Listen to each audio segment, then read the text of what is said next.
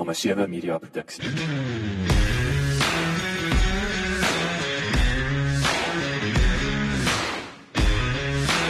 Welkom by die Klipkouer Spotgooi reeks waar ek gereeld gesels met entrepreneurs en impakmakers ten einde die beste praktiese advies met jou te deel. Ek is jou gasheer, Jacques Passon. En onthou om ons nuwe besigheid van landbou potgooi reeks genaamd Boerpot te luister. Laat die wiele rol. Dis belangriker as ooit dat besighede hulle denkwyse wysig om aan te pas by die nuwe normaal wat COVID-19 op ons afgeforseer het. Dit beteken dat die wonderlike wêreld van tegnologie optimaal benut moet word. Met 'n kwart eeu se ervaring juis in die lewering van tegnologie oor 'n verskeidenheid van industrieë, het David Bischoff homself onderskei as 'n sakeleier van formaat in Afrika.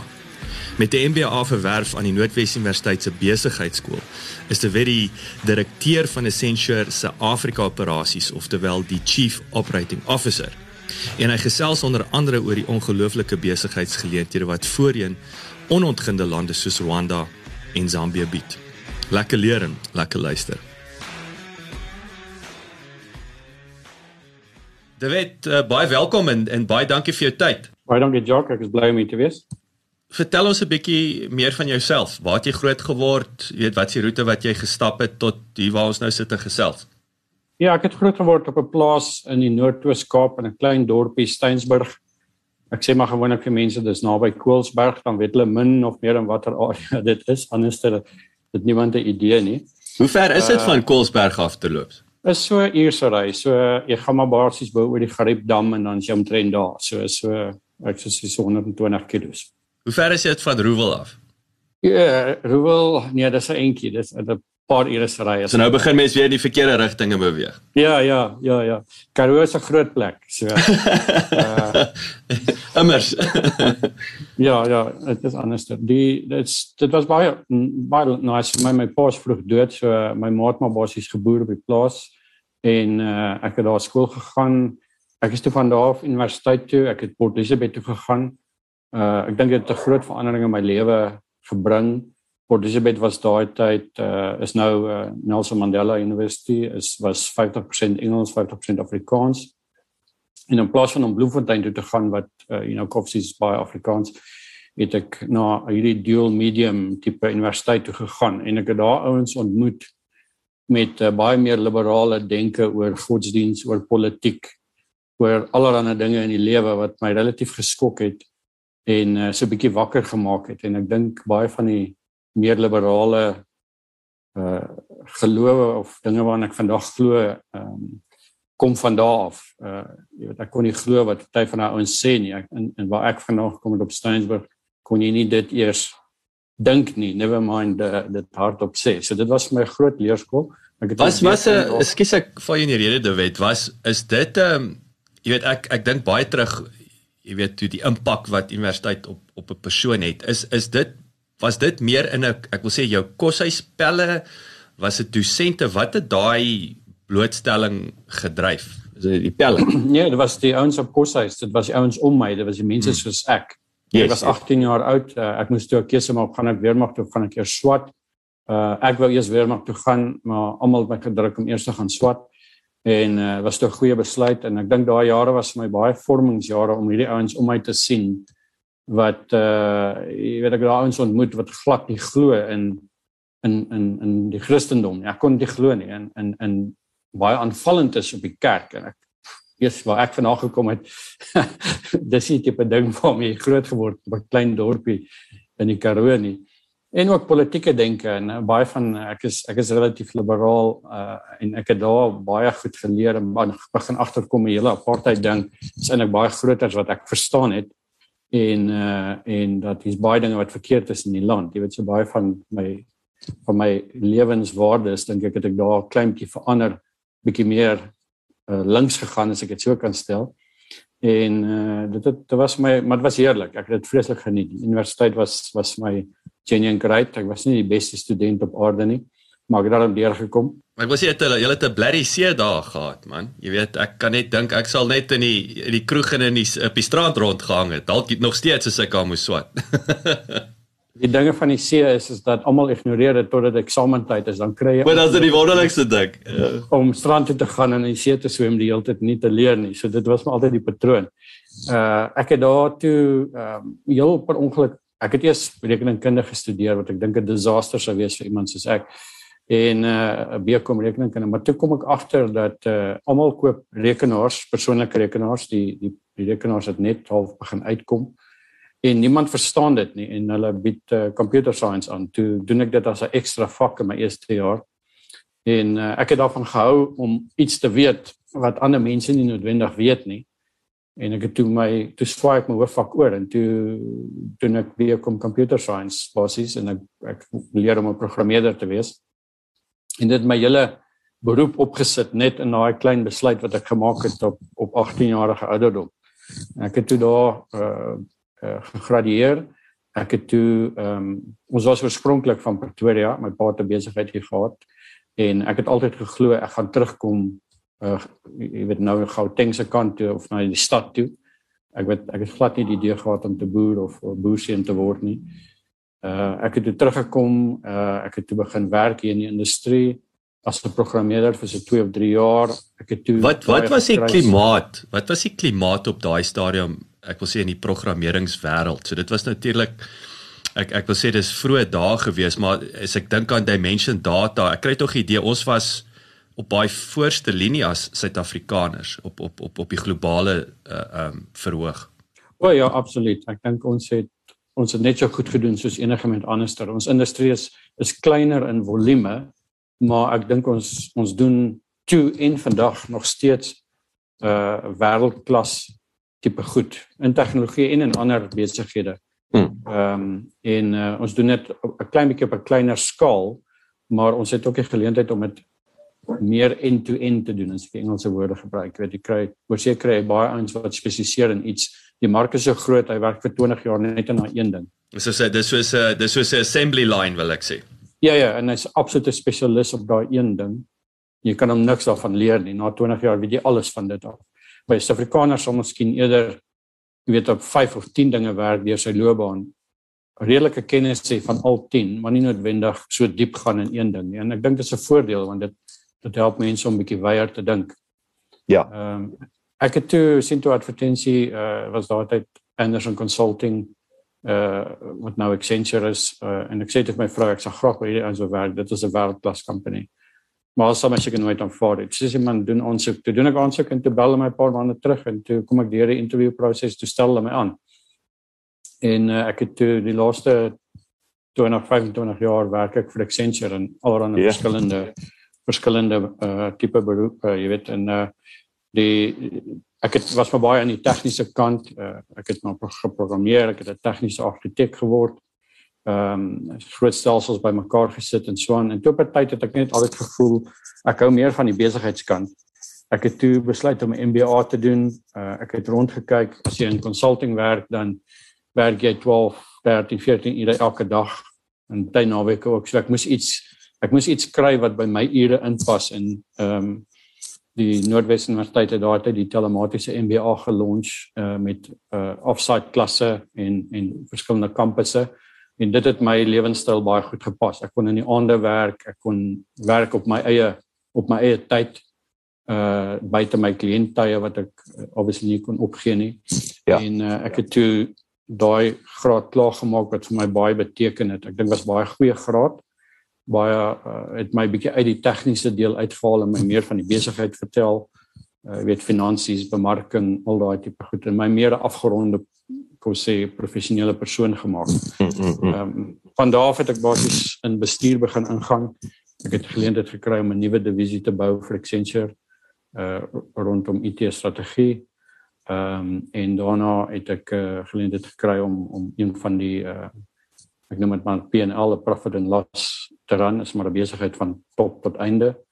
En ek kom my kennis van die Noordwes Universiteit se se MBA toe begin ten volle begin gebruik ek is eintlik die die sales lead in die ehm um, uh, in Engels die COO van Accenture in Afrika en uh, ek gebruik nou basies elkeen van die vakke wat ek op MBA gehad het van bemarking tot interne operasie tot jy weet logistiek tot uh tot die client facing het alles gebruik ek nou ten volle. So dit het baie vir my beteken.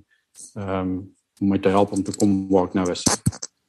Wat het ehm um, as jy nou praat van ek ek het natuurlik ek, ek het nou baie nostalgies geraak jy nou praat van jy weet Arthur Anderson. Ehm um, of Askies Anderson Consulting. Ek dink aan aan uh, is dit Arthur Anderson. Wat of wat is dit die wat sien nou ons wat met die Enron skandaal toegemaak het? Ja, so wat gebeur het is dat dis 'n interessante storie en kan jou wys hoe die wêreld ingewikkeld kan raak baie vinnig. So Arthur Anderson het begin ek dink vandag seker 120 jaar terug as 'n audit firma, rekenmeester audit firma. Hier van die 60s af het hulle besluit soos meeste van die audit firma op daai stadium om 'n IT konsultasie maatskappy te stig as as deel van hulle self want hulle het gesien baie van hulle kliënte het hulle begin tegniese vrae vra. Hmm. As jy auditeer is by 'n groot firma dan vertrou hulle jou en hulle vra begin jou tegniese vrae vra. So jy skep hulle hierdie divisie aan die kant en daai divisie groei, groei toe en groei toe en word toe al groter word later toe groter as Arthur Anderson self. En dit was Anderson Consulting. My magtig. Jy weet basies het die twee sustermaatskappye gehad wat langs mekaar sit.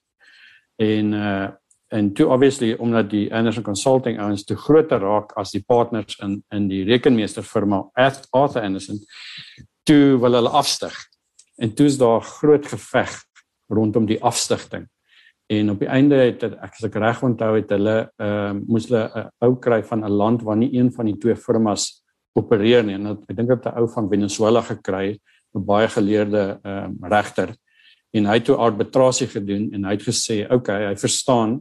En hy dink Anderson Consulting kan afstig as 'n aparte company maar hulle kan nie meer die naam gebruik nie. Hulle moet daai naam is baie werd. Arthur Anderson is baie werd.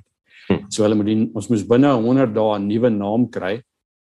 Dit is Accenture vandag. Hm. Ons het toe interne kompetisie gelons en 'n ouetjie in Noorwe het 'n naam voorgestel waar hy gesê het Accent on the Future. Accenture te maak die eh, die twee name bymekaar. Dit wen toe die naamkompetisie. Ja, ja. hy's hy's 'n bietjie van 'n legende in die firma want hy was 'n hy was 'n baie junior ouetjie. En uh toe stig die twee firmas af, totaal onafhanklik van mekaar en 6 maande later toe slaan die Enron skandaal vir Arthur Anderson. En Jemal, so daai dit was net die perfekte timing, né? Nee. Ja, word hulle word toe toegemaak en die naam wat ons vir toe moet weggee wat baie werd was, is toe niks werd nie. Yes. En, eh, en hulle dis die einde van Arthur Anderson wat eintlik 'n baie sad story is as jy dink wat gebeur het met hulle. En ons is toe totaal onafhanklik en Accenture gaan toe op hulle eie aan lys toe word toe 'n publieke gelyste maatskappy op die New York Stock Exchange en uh gelys teen 12 dollar en ek dink so 15 jaar terug en die share price is nou oor 300 dollar. So baie sterk mm. maatskappy. Ja, dit is uh en ek onthou nog, ek dink was dit nie juis uh ek wil ek verbeel my Tiger Woods was van daai eerste ouens met toe hulle die nuwe brand. Ek ek dalk seker verkeerd, maar ek onthou pertinente nee, julle. Ja, baie goed. Jy onthou baie goed. Tyd vir 'n het jy geweet insetsel. Accenture het in Desember 2009 aangekondig dat hulle 6 jaar lange borgskapsooreenkoms met Tiger Woods sou beëindig. Nadat besonderhede van die golfspeler se buiteegtelike verhoudings met 'n hele aantal vrouens aan die lig gekom het. Woods was op daardie stadium die nommer 1 speler in die wêreld en gereken as een van die bestes van alle tye. Hy het verskeie Accenture se gedrukte TV en aanlyn advertensies en sy jaarlikse inkomste uit 'n verskeidenheid van soortgelyke borgskappe was beraam op 100 miljoen dollar. Dit is presies, dit was seker ons beste bemarkingsveld tog ooit. Pragtig. Jy onthou dit nog steeds. Dis al geen van ons ander uh bemarkingsveld tog tot daai nie, maar almal het geen selfweg met Tiger. Hmm. En natuurlik toe gaan dinge bietjie verkeerd met Tiger. Ek wil net sê daar's so so as jy 'n bietjie van 'n trend hierso. Uh ja, ons het hom gedrop. Ek dink ons was die derde maatskappy wat hom gedrop het. Pragtig. Ek dink was Rolex en nog iemand en toe ons wat toe weggestaan het van hom af en ek dink jy sal ooit weer ons naam aan 'n aan 'n sportster koppel nie as gevolg van dit. Hy was natuurlik uniek. Ek meen hy's ja, 'n ja. unieke persoon. Ja nee, absoluut, nee, absoluut. So dis dis baie interessant. Ek het nie geweet nie wat ek wat ek het my aspirasie op universiteit. Ek onthou my fisuur het het een of ander rede, ek weet nie hoekom nie. Ek dink ons om met 'n paar van ons ouens Deloitte toe was. Toe toe toe Arthur Anderson daai tyd en Anderson Consult het baie my aandag getrek. Was amper ek wou graag daar inkom. Ek is toe nou snaaks genoeg in die FMCG by by Coca-Cola aan, so ek het heeltemal jy weet uh, dit wat jy in jou mond kan indruk uh, toe geskuif maar um, ek onthou ek het nog altyd baie respek en uh, vir vir die vir die maatskappy en vir al die century brand en so aan is vir my uh, baie indrukwekkende maatskappy. Ehm um, en is natuurlik heerlik om jou te kan gesels om uh, dat mense 'n bietjie kan dieper delf wat wat daar aangaan. So maar sê gou vir my die die die hele ding met jy het gepraat van 'n uh, 'n uh, uh, IT strategie de wet. Mm gee vir gee vir ons 'n 'n gevalle studie. Ek weet dit is vir my so breed. Wat beteken dit? Wat beteken 'n IT strategie in in in in die koöperatiewe omgewing? Ek wil amper sê is amper daai farm to fork effek, nê? Wat hoe lyk dit? Ja, ek mens nou 'n strategie kyk dan dan die gewone stappe om te ontwikkel is maar die basiese stappe van kos kyk wat het jy vandag? Wat ons net ordentlik verstaan, waar is jy? Uh jy kan dit in Engels jou as is noem en dan kom ons definieer waartoe wil die besigheid gaan in die toekoms en dis die een groot ding is dat jy moet verstaan wat se besigheidsstrategie want om net uh, om net jy weet IT in 'n rigting in te druk is is nie die funksie van die van die maatskappy nie. Die maatskappy het 'n ander funksie. Hulle probeer iets bereik. Hulle verkoop Coke bottles of of is 'n professionele dienste firma of 'n is 'n bank. En dan moet jy kyk hoe hoe gaan IT die besigheid ondersteun en dan probeer jy maar opkom met 'n uh, met 'n toekomstige prentjie wat sê wel dis waar jy vandag is maar eintlik dit is waar jy moet wees. En kom ons kom ons teken 'n 'n roadmap of 'n paadjie van waar jy nou is na waartoe jy moet gaan. En dan probeer jy prioritiseer wat kan jy nou doen? Wat kan jy in die medium term, termyn doen? Wat kan jy in die lang termyn doen? En dan gewoonlik gaan dit maar oor of course natuurlik die stelsels wat jy het. Uh kan hulle die besigheid oordentlik ondersteun. Uh waar is jou talent en jou mense om daai om daai stelsels te onderhou en vorentoe te vat en wat se prosesse wat jy in plek het om seker te maak dat jy bestuur die risiko uh die risiko en uh en hou die stelsels op en jy jy ran 'n uh, 'n uh, uh, effektiewe uh shop jy weet 'n winkel, uh, IT winkel basies. En dan as jy al daai goed bymekaar sit dan jy min of meer 'n 'n 'n IT strategie gedefinieer. So so is is 'n uh, kom sê 'n ding soos um Salesforce wat ek dink op hierdie stadium is dit 'n voorbeeld van julle sal nou sê okay kerels julle het vyf goed nodig. Julle CRM stelsel julle julle het Salesforce nodig. Kom ons implementeer. Of het Accenture sy eie weergawe van van uh, of kos sê 'n SAP nê nee, of 'n uh, uh, Oracle wat ook al. Trek julle daai sterk brands in of het julle dan nou julle of het julle julle eie uh, uh, sagte ware produkte wat julle dan implementeer Nee, ons is 100% 'n uh, professionele dienste maatskappy. So ons ons verkoop dienste. Ehm um, en dan om om van om van hierdie goed te doen, het ons obviously weet al ons uh uh, alliance partners. Ekskuus vir al die Engelse woorde. Nee, nee, ek het vir jou gesê voor die tyd van hierdie woorde is die Afrikaans. Dit is die Afrikaans. Ja, ek werk al 30 jaar in in in Engels. So ek ek sukkel, ek weet nie eens mooi wat van die Afrikaanse terme is vir hierdie nie. So ons het ons alliance partners en dis al die groot ouens in die wêreld soos SAP op die uh finansiële kant of die HR kant, uh Oracle, uh, Salesforce, Workday, al al die bekende stelsels daar buite en uh, ons implementeer dit basies. Ons het mense wat gesertifiseer is en geskiel is in hierdie werk en dan implementeer ons hierdie stelsels vir kliënte. Maar nie net die tegniese deel nie, ons doen ook die strategie, ons doen die prosesse, uh, ons doen al daai om seker te maak dat die stelsel ondersteun dan die waar jy in die besigheid op pad is. Julle voer julle voer julle eie idees uit, wil ek sê implementeer ja, dit. Ja, basies, ja. Want nie nie een van hierdie stelsels, ek meen die hele idee van hierdie stelsels is dat jy jy uh, jy praat van off the shelf, you know, jy jy, hmm. jy koop dit van die shelf af, jy programmeer dit nie meer nie, hy's daar, jy moet hom net geïnstalleer kry, jy moet jou data binne in daai stelsel kry en dan werk hy. Maar geen besigheid daar buite wil net verander hoe hulle werk nie want die stelsel dikteer baie dan hoe moet jy werk as jy as jy vyf stappe gevolg het om van 'n uh, invoice te gaan om jou geld in die bank te kry. Die stelsel het miskien 10 stappe en nou moet jy alles verander. So dit's daai konfigurasie wat ons dan help mee ehm um, uh, om seker te maak dat die stelsel pas so goed as moontlik aan by by die kliënte probeer probeer bereik. En en die ander deel van die saak is omdat ons dit oor en oor doen. As jy uh as jy Coca-Cola in Suid-Afrika is, ons weet hoe hoe doen Pepsi dit in Amerika of Coca-Cola in Amerika. So ons kan dit ons kan vir jou sê die manier om dit te doen is so. Mm. Jy doen dit miskien al jare en jare op jou manier, maar jou manier is oneffektief. Dit vat 10 mense 2 ure of 2 dae om dit gedoen te kry. Hier kan jy met 5 mense wegkom en dit gaan hulle 'n dag vat ehm um, jy weet so ons ons ken daai in ons best practices so dis wat ons opbring.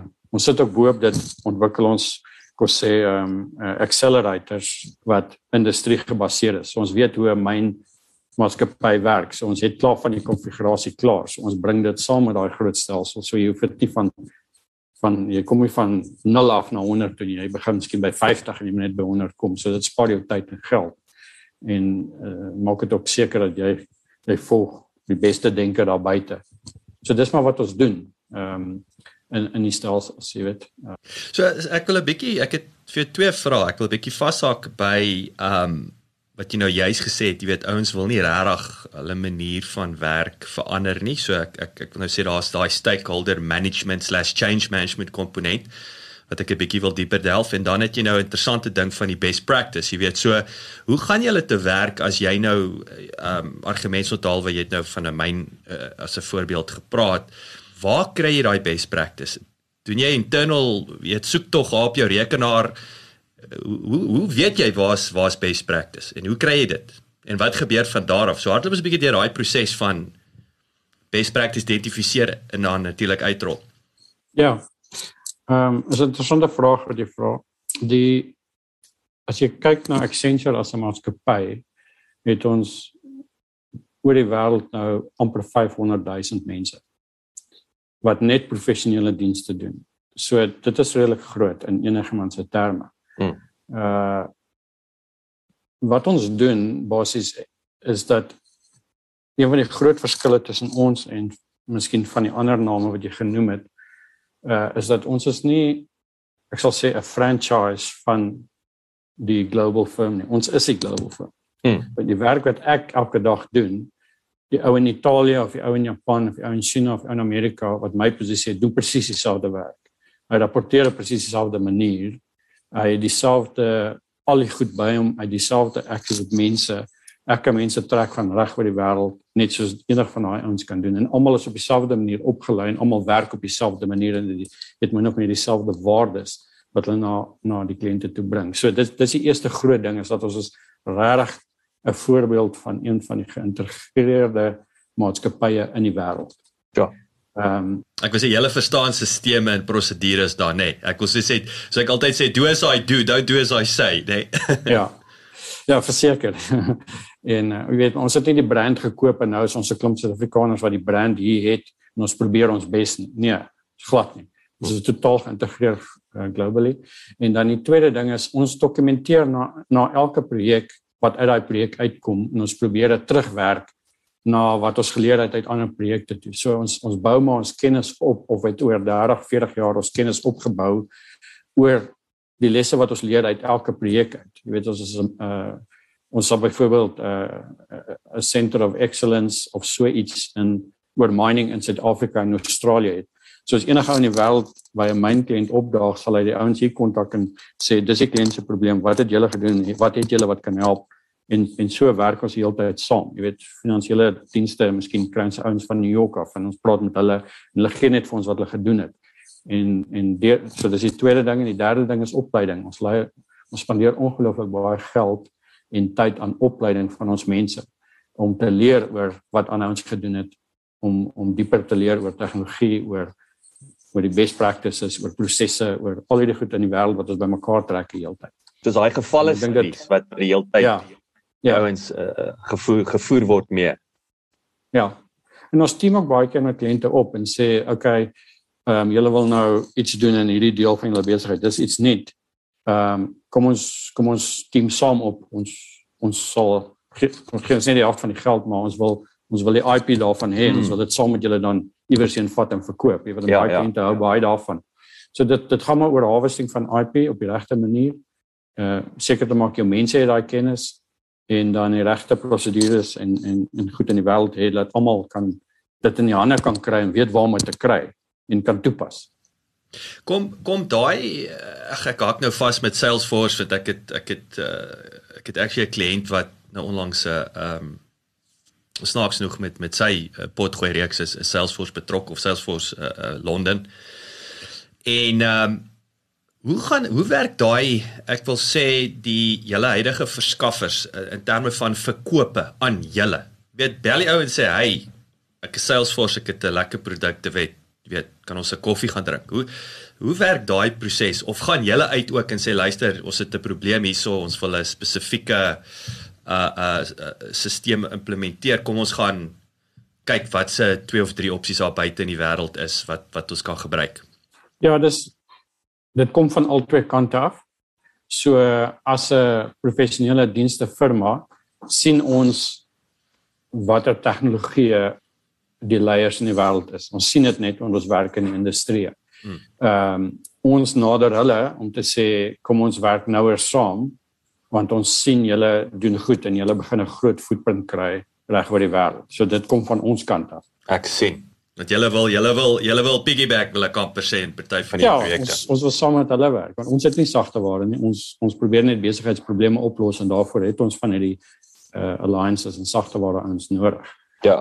En harde ware uh, by die en harde ware ons nodig.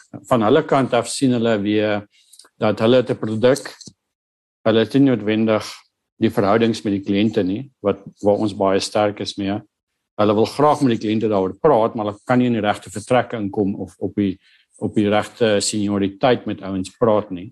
Maar hulle weet ons kan. So hulle kom weer na ons toe en sê kom ons kom ons help julle ouens om meer van ons produkte weet, ons opleiding geld vir hulle gee, ons sê hulle ouens sertifiseer.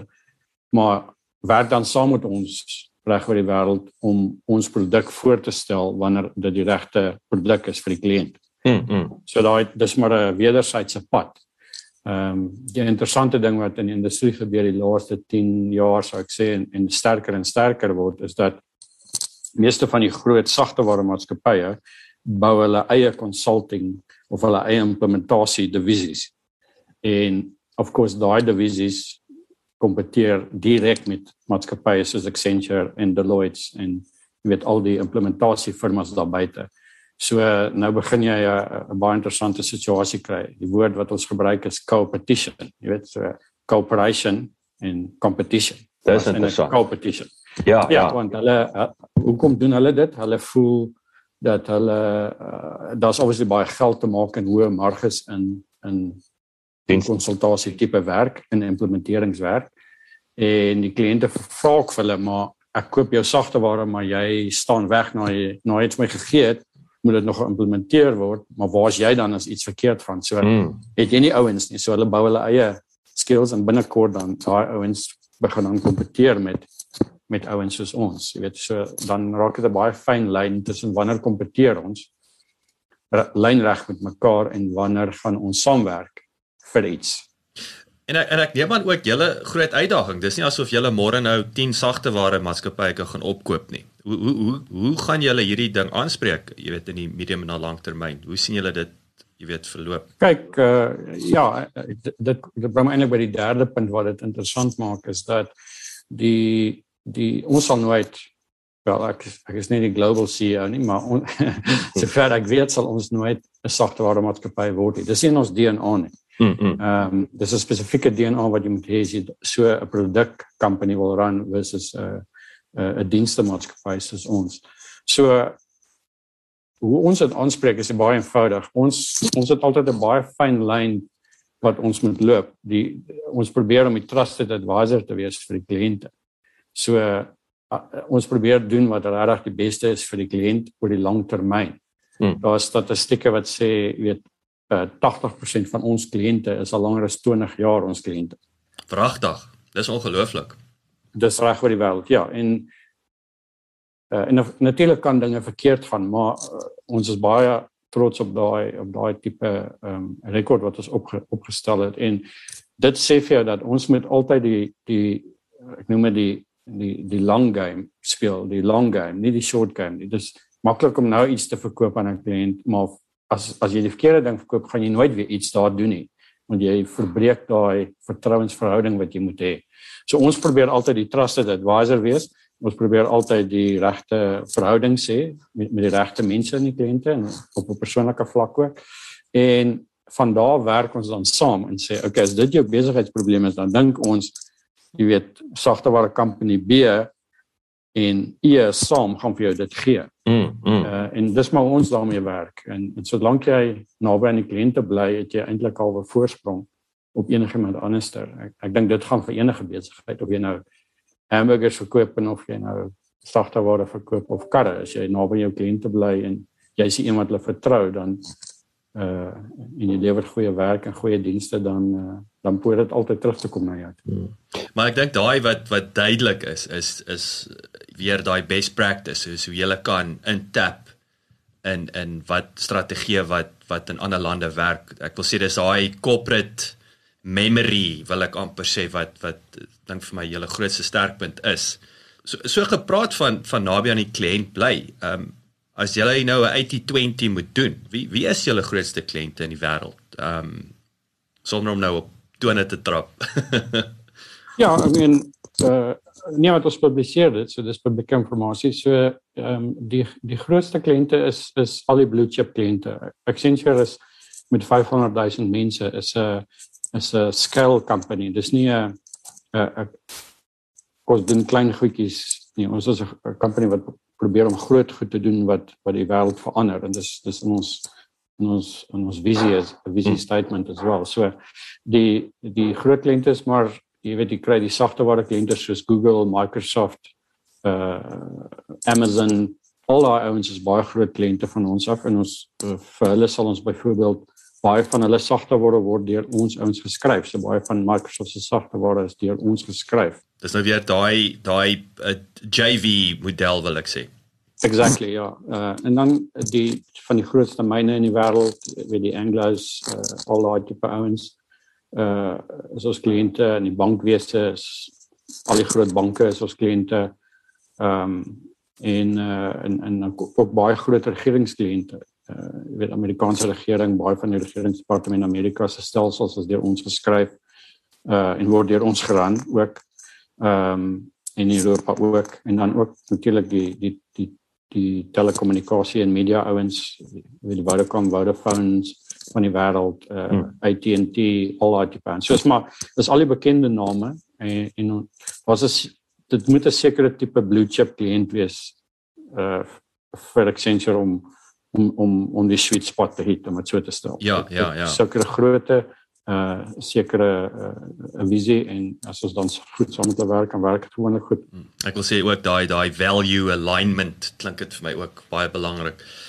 Nou ek wil net terugkom voor ons 'n bietjie dieper delf oor, jy weet, wat hoe lyk dinge? Ek wil graag 'n bietjie hoor uh, geleenthede in, in Afrika, jy weet, hoe lyk sekere Afrika lande ensovoorts. Ensovoorts. Ons sal nou daarna daarby uitkom. Ek wil net laaste terugkom na die ehm um, jou change management waar jy gesê het dat ehm um, jy weet probeer die kliënt het sy die kultuur, die manier van werk akkommodeer.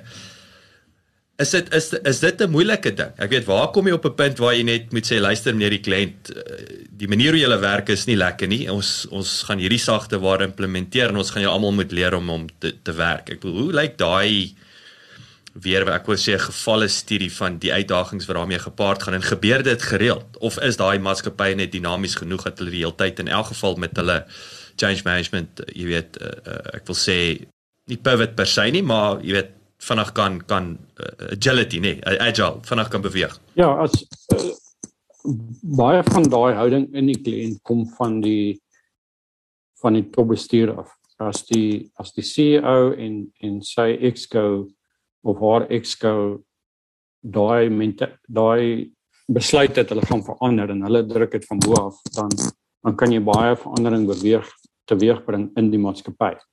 As jy nie daai tipe uh uh sponsorship het nie, dan is dit baie moeilik om om groot veranderinge teweeg te bring. Jy kry net te veel was net te veel resistance tot dit. Hmm. Ehm um, in die want niemand hou van verandering nie. Ek meen dit is maar net so of jy maak nie saak waar wie is en waar jy werk, die groot veranderinge is is net nie iets wat mense sommer maklik aanvaar nie. So ja, ek dink eerste ding is is is is dat die regte mense moet agter dit staan en dit deurdruk. Uh die tweede ding is uh as jy as jy in daai omgewing 'n konsultant is dan dit gaan baie oor jou ehm uh, jou EQ as ek dit sou kan stel nie mm. noodwendig jou IQ nie en ja. jy jy jy weet hoe emosioneel jy mature is om daai tipe gesprekke te kan hanteer want daar's nie 'n resep wat sê as dit op 25% kom dan kan jy dit sê nie daar's niks van dit nie so jy moet maar oor die, oor tyd en jare leer wanneer wanneer moet jy harder druk en wanneer moet jy terug staan mm. ehm um, en en ook mense kry om saam met jou te gaan want dit, dit jy kan ook net afforceer nie. So dit gaan maar baie en, en dis hoekom ons die tipe persoon wat ons hier die me, tipe mense wat ons het is is ongelooflik. Jy, jy sal by ons ouens kry wat neurochirurgie gestudeer het of uh uh jy weet rocket science of hmm. uh aan ons BA tale.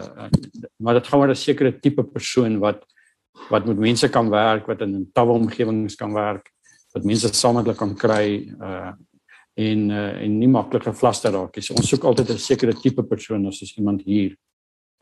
En uh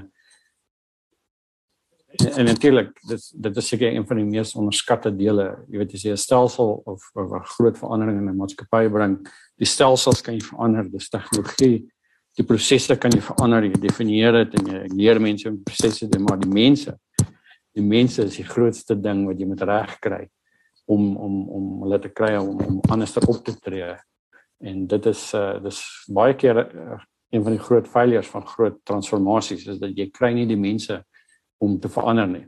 Uh jy weet ek gee 'n nuwe stelsel, jy het nou baie van Salesforce gepraat. Gee hulle Salesforce en dan jy weet jy kan Salesforce in die cloud aansit binne 2, 3 weke. En skielik het jy 'n nuwe stelsel wat al jou al jou sales sales prosesse gaan hanteer. Maar as jou sales ouens besluit dis belangrik en dit gee vir hulle iets wat hulle nie vandag het nie, dan gaan hulle selfs net daar staan en ouens gaan net doen wat wat hulle moet, die hmm. minimum. Hmm. En, ja, ek sê altyd ry die jy ry die Ferrari in tweede raad rond. Exactly. Exactly. Wat of jy spak hom in die garage en dan ry jy draai, dat dan sê jy ja. sien jy gebruik hom maar ja. alle geld spandeer op stelsel, maar geen nie vir jou wat jy gedink het nie. Hmm, hmm. Ehm mm, um, en en daar met die cloud stelsels, jy weet baie van die stelsels is nou in die cloud, so jy hoef dit nie meer fisies te implementeer by die kliënt nie. Dit is basies hy's daar dis hoe hy werk. Jy gaan so klein bietjie konfigurasie op hom doen, maar dan maak hulle hom lewendig. Yes. Jy het nog eens gedink wanneer train jy die ouens? Wanneer verduidelik jy vir hulle hoekom is daar 'n verandering? Hoekom moet hy nou sy werk verander? Ja, en en en daai is hand aan hand. Ek wil sê dis 50% van jou sukses, soos dit vir my klink. Jy weet 50% daar die die ding uh uh doen wat hy sê op uh, aan die buitekant, maar nou sit die ander 50% van die sukses is daai uh, suksesvolle uh uh, implementasie of nie eers implementasie nie, gebruik van uh die die die die sagte ware. Ja, verseker. Ek wil 'n bietjie, jy weet in terme van kom ons praat 'n bietjie geleenthede uh vir julle ouens um hierso in in in Afrika, jy weet, hoe lyk die geleenthede? Um wat is die uitdagings?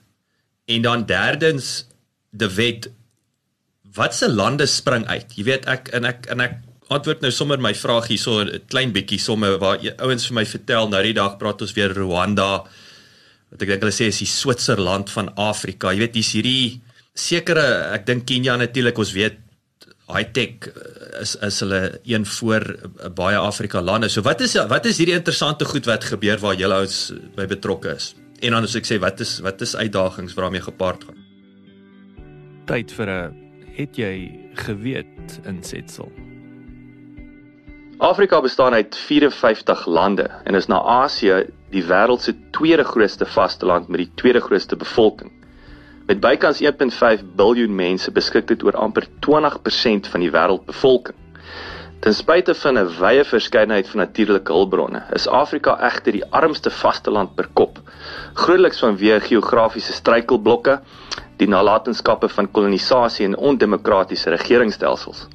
Onlangse ekonomiese uitbreiding en die groot en jong bevolking maak egter van Afrika op winnende wêreldmark met die oog op die toekoms. Ja, ek, ek dink oor die algemeen is daar ongelooflik baie geleenthede in Afrika. Ehm um, die as jy soos ek in 'n internasionale firma werk, ehm um, en ek het gister met een van ons groot uh, partners globally uh gepraat omdat hulle my wou vra oor Afrika en hulle probeer 'n nuwe strategie vir Afrika uitwerk. Dan sien almal dat Afrika so half untapped potential.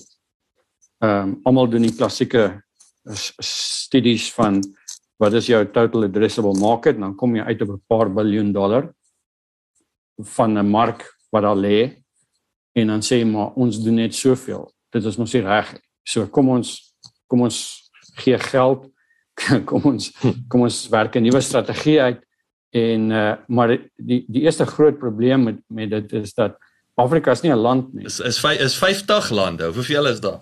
Ja, daar is baie. Ja. En elkeen is anders. Jy weet ja. so die, die die geleentheid is verseker daar op die kontinent en jy sien dit jy sien dit nou oral met baie van die lande wat wat wat regtig 'n goeie resep begin volg en die land omdraai. Ek meen jy het nou Rwanda genoem, min Kenia was nog altyd daar, Nigeria is altyd daar. Ek het nou gesien, ek dink in Zambië uh hoeveel uh inflow of capital is daar waar die, die nuwe president 12 maande lank uit alles probeer doen om net dit 'n vriendelike investerende land te maak waar jy geld kan invat. Uh so die geleenthede is als daar. Ja. Ehm um, en, en en en ek dink dit gaan oor dit gaan oor baie industrie strek oor die volgende 10, 20 jaar. Ehm um, en as jy kyk na die hoeveelheid mense wat daar is en as hulle begin uh buying power kry, hoe, hoeveel consumer buying power gaan af wees as al die mense begin geld verdien. En dit is natuurlik 'n groot ja, aanloklikheid vir almal om daarna toe te gaan. Maar dan kom jy by die gewone probleme uit. Ehm um, jy weet in baie van die lande as ons daar dienste lewer, in eerste plek ons wil nie in die in die in daai land se currency betaal word nie. Ons wil in ons moet dit omsit in dollars of in mm. iets. So dis ons eerste probleem. Ons tweede probleem is die die die legal framework waarin jy werk is miskien nie so op die regte vlak nie en daar's ander probleme. Wat van jou jou, jou wat van jou IP? Hoe wie beskerm jou IP? Gaan gaan die hoe werk die howe? Gaan dit ja. As jy 'n probleem daar het, sal jy dit kan kan uitsorg op 'n manier wat jy sal verwag in 'n in 'n in 'n ander land in Suid-Afrika of in Europa of in Amerika. Partykeer is die antwoord nie heeltemal daar nie. En dan die derde ding is nou wil jy jou, jy wil jou as jy in 'n nasionale firma werk of jy in enige firma werk en jy sit in Suid-Afrika wil jy jou geld uittrek. Jy wil op 'n tyd wil jy daai geld uithaal. Help nie jy 10 miljoen dollar gemaak maar dit lê in daai land en jy kan dit nie uitkry nie. Mm. Jy het nie eenvoudig nie die die jy weet die die kapitaal vloei om daai tipe geld uit die land uit te laat gaan heeltyd. Nou sit jou geld daar. Ja. Nou baie as jy dit nou in 'n sak wil gooi en jy Ek bedoel net sê jou kry was opline. ja, dan of op so 'n manier werk uh jy weet dan sit jy met 'n wesenlike probleem. En dan as ek sê die vierde ding is korrupsie. Jy weet baie van die lande het nog maar 'n korrupsieprobleem soos ons ook in Suid-Afrika nou het. En dit uh, al hierdie tipe goederes vir spesifiek van internasionale maatskappye soos ons dan dan vra jy die vraag of okay, ek sien die mark. Ek sien die risiko's hoekom sal ons ons global brand wat een van die top 100 brands in die wêreld is op risiko sit om 10 miljoen rand in land A te gaan maak. Ja. Hoekom sal ons dit doen? Ons kan nie die geld uitkry nie. Ons sukkel. Daar's korrupsie. Daar kan allerlei snaakse goed daar gebeur. So dis nie moeite werd nie. Ons is 'n 40 miljard dollar firma. So om daai bietjie geld daar te gaan maak, alhoewel ons kan seker 50 60% groei kry want ons kom van 'n lae basis af maak dit regtig vir ons sin en dit is die uitdagings met dit jy weet so jy moet al daai goed dink ek moet moet uitgesort word en waar dit uitgesort word soos jy nou Rwanda genoem en in Kenia en so en kan jy sien mense gaan sien toe hmm. hulle hulle maak kantore oop hulle stel lokale mense aan en hulle investeer want hulle weet daar's hulle kan geld daar maak en hulle kan en en en dit uitkry hulle kan dit maak en dit uitkry en die wette werk hulle hulle IP is beskerm ja hmm. want dit is ons normaal is as jy as jy is ons normale besigheid omstandighede, jy weet. Probeer vir 'n ou in Amerika verduidelik dat jy kan nie die geld uitkry nie. dit dit is net nie iets waan want kos sê die westerse wêreld, Amerika en Europa en in hierdie tipe lande se bestuurs ouens gewoond is nie. Ja, ja. Ja, hulle hulle dink hulle dink seker jy lieg vir hulle. Wat wat jy het nou interessante ding wat jy jy het genoem en ek en ek wil net terugkom na die Afrika lande in 'n minuut, maar jy het nou gepraat van die ouens, jy weet, soos wat hulle begin uh koopkrag kry en eet en drink. Uh, uh, beteken dit dan in jou medium na langtermyn is Afrika uh, ek wil sê meer FMCG. As ons kom nou weer terug na 'n Coke of 'n PepsiCo of of of for that matter InBev. Ehm um, is dit dan die in die in die groot geleenthede of die tipiese kliënte dan vir Afrika in in, in die medium termyn? Ja, ek wens ek het 'n kristalbal gehad dat ek jou 'n ordentlike antwoord kan gee. Ehm um, ek ek is ek dink is maar 'n amper 'n klassieke catch 22. As jy as die land se ekonomie nie groei nie, dan gaan jy nooit geld in die hande van die van die van die algemene ou sit nie. Hmm. Ehm um, en as jy alsmaar nou nie geld kry nie, dan gaan jou consumer goods expenditure of die persoonlike geld wat hy nou kan spandeer op op al die goed wat hy wil koop. Hy gaan nie geld hê nie, so nou gaan jy ons ook investeer nie. So een of ander tyd moet jy daai siklus breek. En ek dink die enigste manier om dit regtig te breek is om 'n baie goeie ekonomiese beleid en politieke stabiliteit te kry. En vir ons te wys is oop vir investering. En daai geld te daai invloed te kry van jou soos ons sê jou foreign direct investment. En as dit ja, begin ja. gebeur dan ek dink dan begin jy daai siklus. Ja. Yeah. Ehm um, maar as by my geen twyfel nie as jy net die hoeveelheid mense vat en jy sê elke ou hier soveel kon spandeer of soveel besteebare uh geld gehad het per maand dan dan gaan dit die die die die mark groot te wees en ek meen dis amper so China 50 jaar terug jy weet al die ouens net kan geld kry en begin geld spandeer hoe groot gaan die ekonomie wees en dit het nou vir hulle gebeur en ek meen is massief mm. Ehm um, maar dit het ook begin met ons het werk gekry en ons het fabrieke daar gebou. Ja. En en en so aan en toe kry die kry die werkers oor tyd geld en jy sien dit in Indië ook.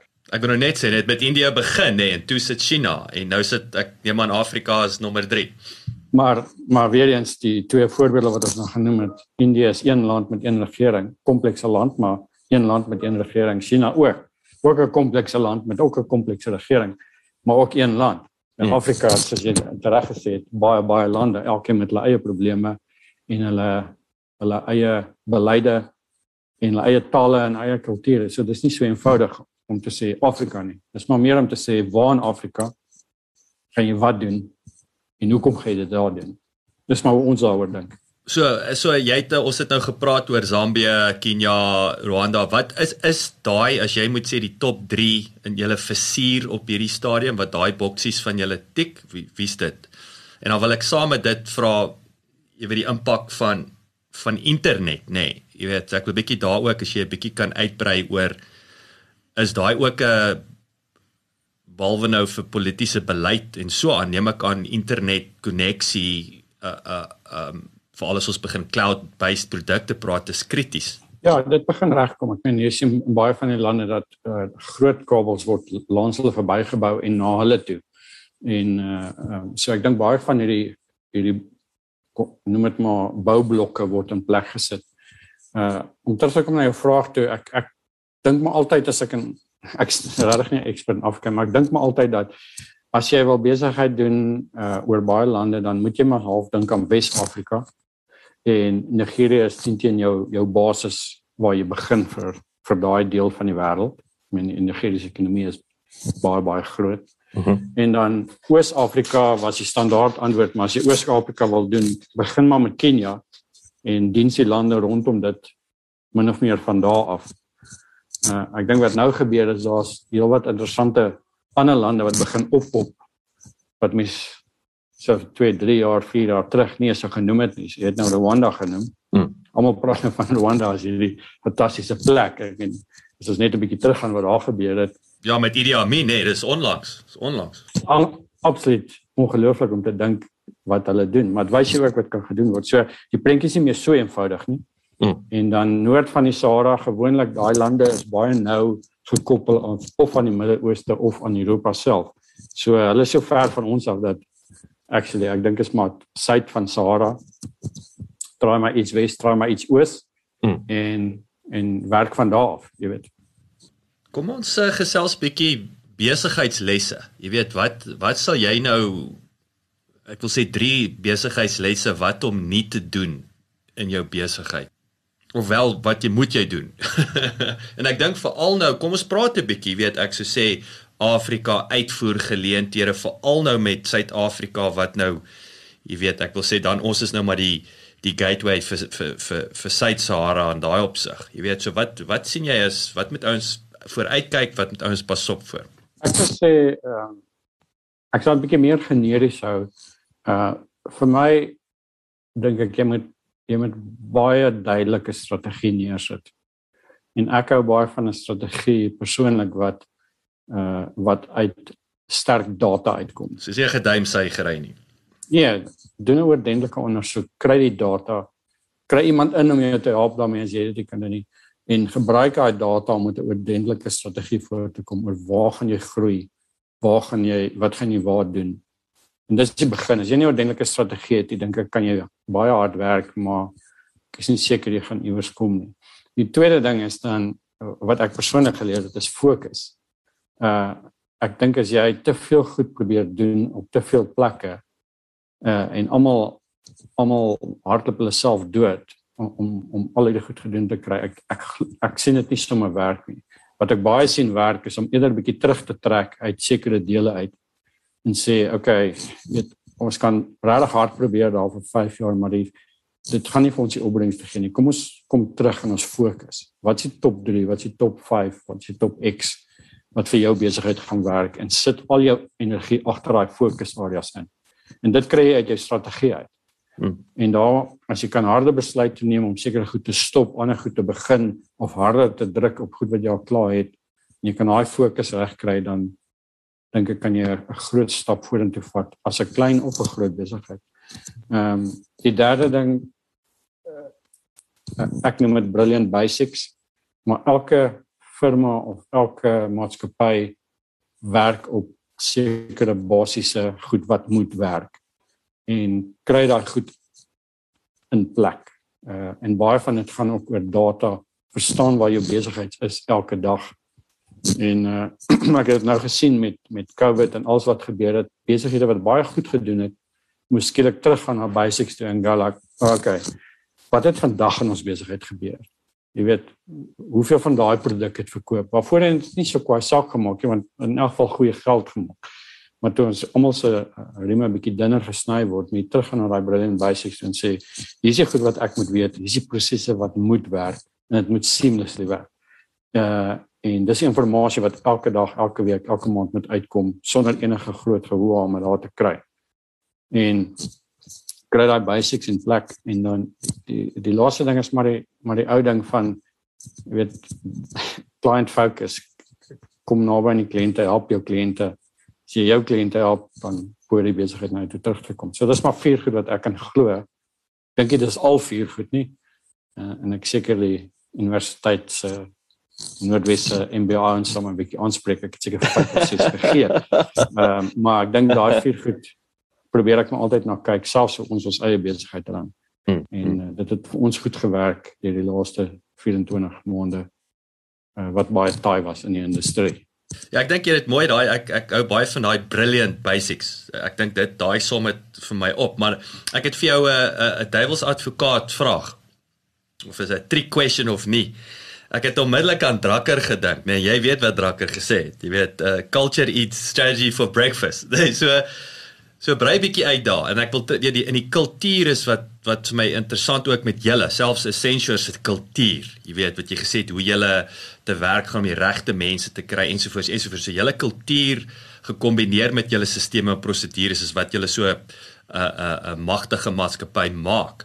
Jy weet so waar's ek wil sê is daar 'n ratio waar waar fantastiese strategie met 'n klomp uh, ek wil amper sê klomp poepolle wat nou daar werk wat egos het of dalk net nie die 'n uh, 'n uh, vermoë het om te implementeer nie. Hoe handhaaf jy daai balans? Ja, dit is baie moeilik en en weer eens net soos ek vroeër gepraat het, waar as jy stelsels goed implementeer om die mense te kry om om te aanvaar, die veranderings te aanvaar, is is is al die goed wat ek genoem het uh gaan nie werk as jou as jou personeel nie ook inkoop daarna toe nie en regtig saam met jou werk in dieselfde rigting nie ons probeer baie die konsep afdruk van van gedeelde sukses. En wat ons probeer doen, byvoorbeeld een van die een van die goed wat ons sal doen is ons sal ehm um, ons CEO se se se objectives of waar hoe volgens hy gemeet word en wat sy bonus en sy salaris en alles in sy sukses gaan bepaal. Ons is ons is baie oop daarmee. Die Engels gebruik woord transparent. En hy sal meetings begin daarmee. En van sy objectives af probeer ons vir elke hou onder hom hulle objectives skryf. Maar die hele boodskap daar is dat jy moet A, B en C bereik. Hoekom? Want jou A, B en C help my met my A, B en C en dit gaan al die pad op na ons CEO vir Afrika toe en dit gaan aan al die pad op ons global CEO. Dis ons probeer vir almal dieselfde raamwerk skep om te sê dis hoekom jy doen wat jy doen. Dis hoekom jy moet probeer bereik wat jy bereik want dit dra alles by na die gedeelde sukses toe. Mm. En as ons nie as ons nie almal suksesvol is nie, dan is niemand suksesvol nie. Mm. Maar wat jy baie kry in besighede is dat jy het jy het conflicting objectives as jy dit sou wil stel. Ja, ek ek ek noem dit 'n misalignment of incentive. Ek sê altyd wat jou Kersfees bonus bepaal en wat myne bepaal, as dit nie dieselfde is nie, dan het ons 'n probleem. Ja, en as hoe jy dit meet ook nie dieselfde is nie. En wat jy kan kry as jy baie van organisasies is 'n tipe matrix organisasie. So jy het ouens wat horisontaal werk, anders wat vertikaal werk en hulle probeer almal hulle eie hulle eie goed bereik en as daai eie goed nie saamstem nie, dan werk hulle baie keer te mekaar. Hmm. En dis wanneer jy begin goed sien wat ouens tree op tot hulle eie korttermyn voordeel. Ja. Ehm uh, maar nie die langtermyn voordeel van almal. So jy sal 'n dom besluit neem want dit gaan jou divisie laat goed lyk. Maar die die maatskappy as sulks uh is swakker daarin toe op die medium tot langer termyn of selfs miskien op die kort termyn. Jy weet, so dis maar wat ons daai gedeelde sukses tipe konsep probeer hard druk. Maar dit is moeilik want dit gaan alsmaar oor dag tot dag tot dag optrede. Behavior, soos jy sê, jy weet culture uh, culture and behavior is nie 'n ding nie. Ja, dis vir my kragtig en ek en ek ek ek moet hierdie voorbeeld deel ehm um, waar ek met hierdie misalignment of incentive, jy weet, dit is my beskrywing vir dit en ek en ek ek noem dit elke nou en dan, maar toe ek uh, in Engeland begin werk het, my eerste werk was vir Ecolab en jy sal nou weet Ecolab die like Fortune 500 grootste sanitation hygiene company in die wêreld. En ons was nou aan die aan die aan die food and beverage kant. Nou word ons het met met Coca-Cola se fabrieke en goederes gewerk, maar wat baie interessant was, my altyd bygebly het is ek gaan sit vir die groep aankoop bestuurder of procurement en daai ou druk hy hy word sy incentive is om die kostes af te bring. Nou druk hy my vir prys. Maar ons produk op daai stadium kon die produksie uh lyn met ander woorde die downtime so as hulle nou Coke gehardloop het en dan moet hulle nou nou wil hulle Fanta hardloop nou moet hulle natuurlik die die pype skoon maak daai proses vat enigiets tussen 2 en 3 ure voor jy nou kan begin met met Fanta. En ons produk het daai downtime verminder na van 3 na 2 ure toe. So nou het jy daai drastiese verhoogde produksie wat natuurlik nou vir die tegniese span die produksiespan weer laat goed lyk. Maar ons is gedruk vir prys aan hierdie kant waar ons nie ons ons kon nie die Ferrari uittrek nie want die ou het ons gedruk vir 'n Toyota.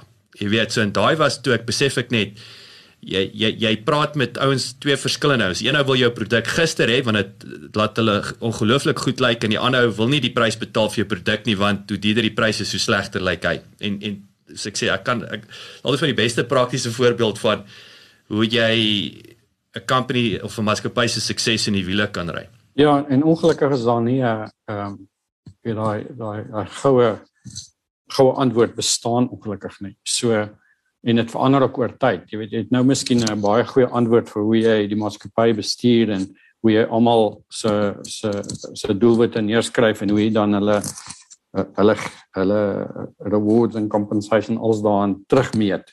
So jy het 'n perfekte ding aan die gang, maar dan gaan jy in 'n rigting af 'n jaar later, daar ander al goed ingeslyp wat nie meer daar hoort nie. En uh, hulle jy weet almal tree in 'n sekere manier op en almal is aligned maar elkeen gaan nou weer 'n klein bietjie se dan moet jy weer verander. Uh van dit Acton Accenture dink 25 jaar ons is seker deur 4 of 5 uh wat ons sal noem 'n operating model change ons die manier hoe ons werk fundamenteel verander. Ja, en ons ons moes dit doen want ons doen iets maar kyk baie ons wat by ons af dan probeer hulle daar kom en so naby ons kom dan besef, dan besef ons ons moet nou weer verander. Eerstens om onsself nog beter te maak en tweedens as die ander ons almal doen wat ons doen dan is ons almal weer dieselfde. So kom ons gaan nou weer 'n stap vorentoe.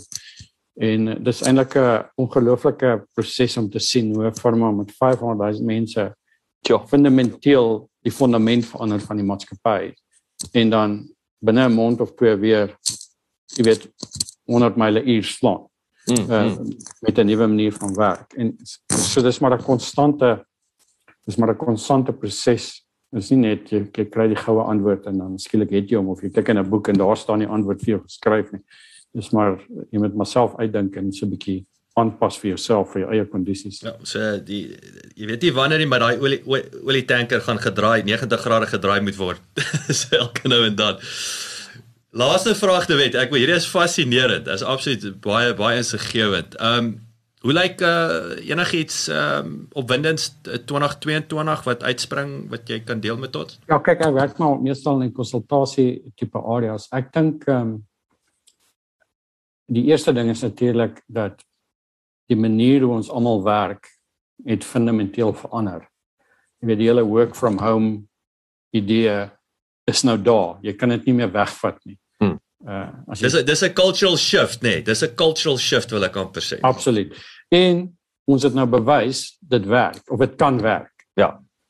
As jy 2 jaar terug gaan sê dis wat ons gaan doen, sommige sê dis gaan nooit werk nie. Dis hele mense mal. ons gaan dit nie doen nie. Ons sal nooit daai risiko vat. Maar ons het dit nou almal moes doen. En uh ek dink daai hele work from home ding is nou by ons vir vir die res van ons lewens.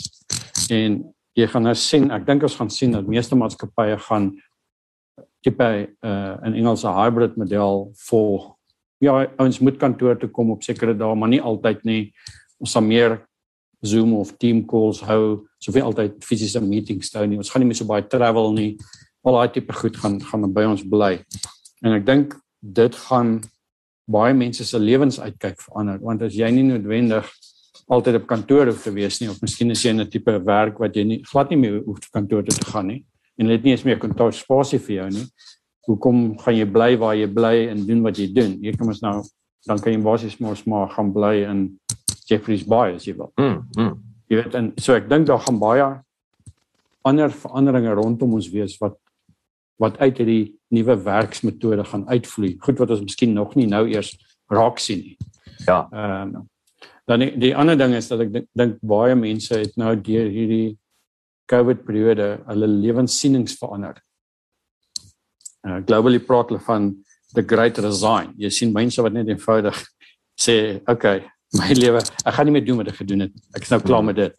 Mm -hmm. uh, ek het nou heeltemal my lewe herdink. Hierdie was vir my 'n groot skok uh en my lewenswaardes het verander. So ek gaan nou nie meer doen wat ek gedoen het nie. So ek ek dink daar gaan ook 'n bietjie groot verandering in die wêreld wees rondom mense hoe mense hulle eie lewens beskou. Uh en het jy nog steeds 'n huis met twee karre nodig? Is dit is dit die lewe wat jy wil lei? Wil jy heeltemal iets anders doen? So dis die tweede ding. En ek dink dan derdens sien ons maar groot skuwe ehm um, uh met elke maatskappy probeer nou 'n digital company wees en met digital beteken ons jy kan als online met hulle doen jy hoef nie noodwendig met mense te praat jy het noodwendig winkels nodig jy kan als online doen en en hulle maak daai experience vir jou baie maklik. Ehm um, die die hele skuif op die agterend na die cloud toe waar al meer en meer systems gaan in die cloud in. Uh dit gaan verseker aangaan. daarmee saam gaan sekuriteit as daai goed als in die cloud lê, al jou data lê in die cloud, al die maatskappye se data lê in die cloud, die sekuriteit rondom daai data is 'n is 'n baie groot ding en dit gaan groot bly. Ehm um, en groter word sou ek sê. Ehm um, ja, en dan kan jy sê automation en, en nog 'n baie meer van die artificial intelligence uh goeders vorentoe gaan en en baie van dit gaan oor outomasie gaan. So outomatisering van jou werk. Meen as jy vandag 'n persoon is wat jy kry iets, so jy kry 'n spreadsheet, jy moet dit verwerk en jy moet dit weer aanstuur en dis wat jy elke dag doen, dan is jy absoluut nie versuur van van hierdie outomatiserings uh dryfveer wat kom.